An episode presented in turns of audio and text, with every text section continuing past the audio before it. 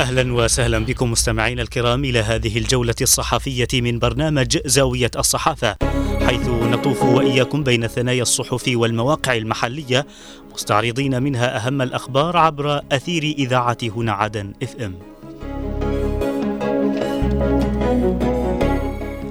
البداية من موقع المجلس الانتقالي ومنه نقرأ الرئيس الزبيدي يشدد على أهمية التكامل بين هيئات المجلس الانتقالي.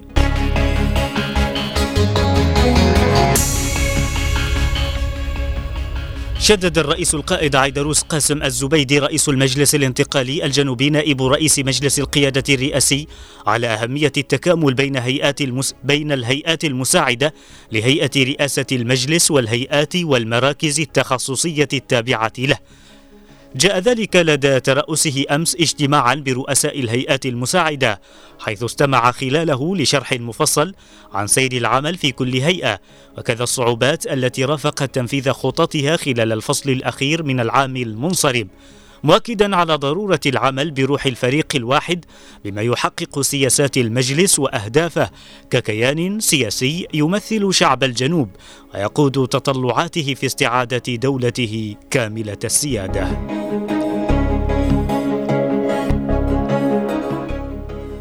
أكدت هيئة الإغاثة والأعمال الإنسانية بالمجلس الانتقالي على أهمية تفعيل التعاون بين الإدارة العامة لنظم معلومات الأمن الغذائي والهيئة بما يسهم في تحقيق أهداف التنمية المستدامة في الجنوب. جاء ذلك خلال الاجتماع الدوري للهيئة أمس برئاسة أنور حزام حيث دعت إلى ضرورة التواصل مع وزارة الزراعة والري والثروة السمكية وكذا المنظمات الدولية العاملة في هذا المجال لتعزيز الأمن الغذائي.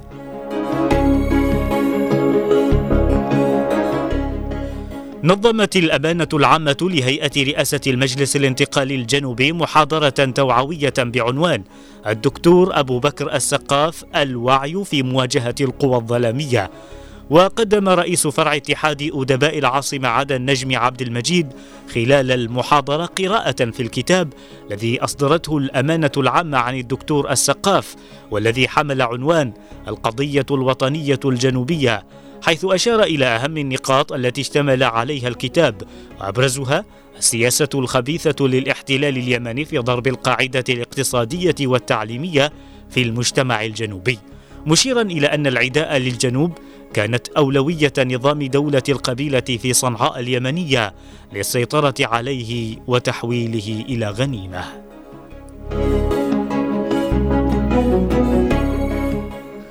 أكد مركز البحوث ودعم القرار بالمجلس الانتقالي الجنوبي على أهمية الدراسات البحثية والتقييمية للمستجدات والأوضاع السياسية والجانب الاقتصادي.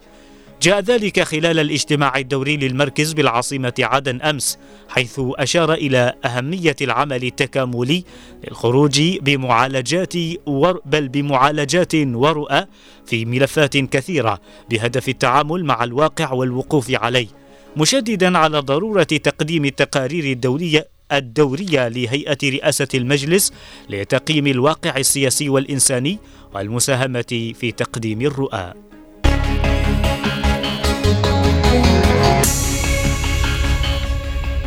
وإلى موقع درع الجنوب مستمعينا ومنه نقرأ المقاومة الجنوبية تستهدف مصادر نيران لميليشيات الحوثي بجبهة ثره حزام لودر يحبط عملية تهريب العشرات من المهاجرين الأفارقة.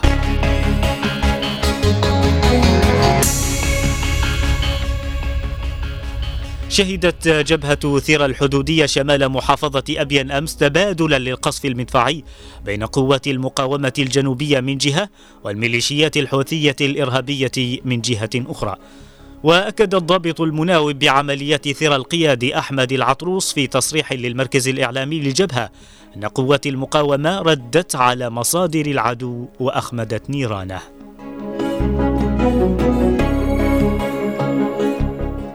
كما شهدت جبهة عين الحدودية بمحافظة شبوة تصعيدا للميليشيات المدعومة من إيران استخدمت فيه القصف بالطيران المسير ومدفعية الهاون.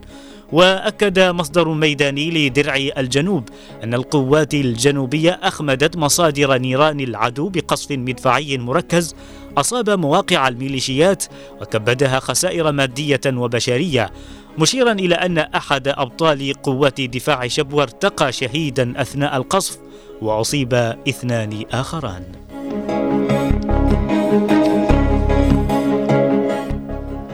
تمكنت قوات الحزام الأمني في المنطقة الوسطى بمحافظة أبين أمس من إحباط عمليات تهريب عشرات من المهاجرين الأفارقة غير الشرعيين كانوا في طريقهم إلى مناطق سيطرة الميليشيات الحوثية. وأوضح مصدر عمليات في قطاع حزام لودر أن أفراد الحزام بمنطقة الحضن تمكنوا من احتجاز ثلاثة أطقم مدنية محملة بالعديد من الأفارقة لافتا إلى أن المهربين دفعت لهم مبالغ مالية كبيرة مقابل تهريب الافارقه إلى محافظة البيضاء اليمنية الخاضعة لسيطرة الميليشيا الإرهابية.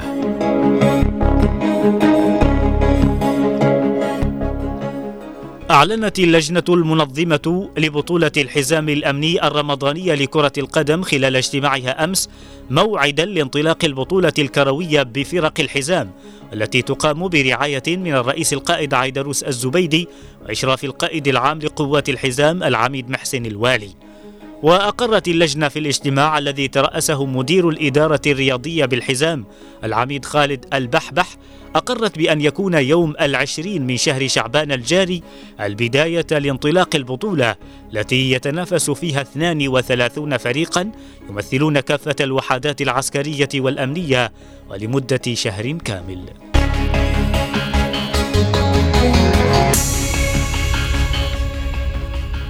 وإلى صحيفة عدن الإخبارية مستمعين ومنها نقرأ الهلال الأحمر الإماراتي يختتم حملة كسوة الشتاء للمتضررين من موجة البرد في مرتفعات حضرموت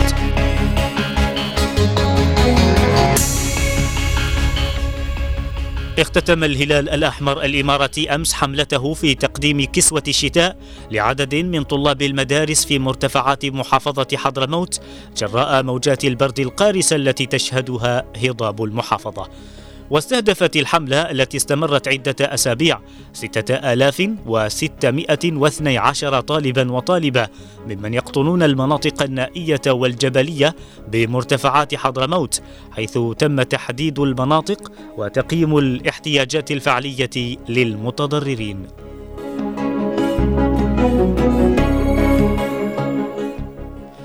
أشاد محافظ شبوة الشيخ عوض ابن الوزير العولقي بالمخزون الحضاري والتاريخي الضخم للمحافظة التي تمتلك أكثر من 650 موقعا أثريا وأكد المحافظ ابن الوزير خلال لقائه أمس المدير العام لهيئة الآثار والمتاحف بالمحافظة خيران الزبيدي.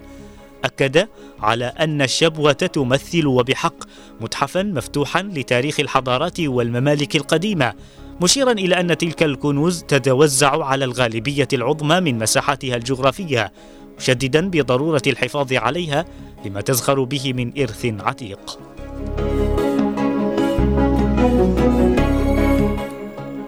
قام وكيل محافظة حضرموت لشؤون مديرية الوادي عامر العامري بمعية السفير التركي لدى بلادنا مصطفى بولات أمس بزيارة لمسجد المحضار ومكتبة الأحقاف للمخطوطات التاريخية حيث كان في استقبالهم المدير العام لتريم حسن الدويلة.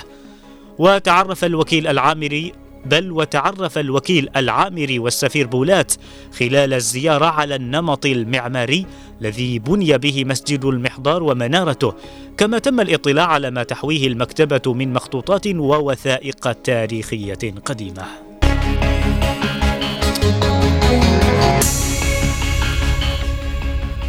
وإلى صحيفة عدن 24 مستمعين ومنها نقرأ وفد منظمة اليونسكو يتفقد مشروعين في مديرية صيرة.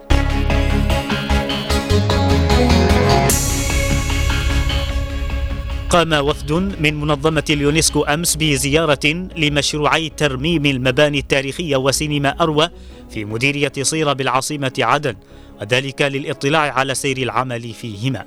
وأكد الوفد خلال الزيارة التي رافقهم فيها المدير العام لصيرة محمود بن جرادي أكد على استمرار دعم المشاريع التي تضمن إعادة طابع الحياة للمديرية التي طالها التدمير في الحرب التي شنتها ميليشيا الحوثي على العاصمة عدن عام 2015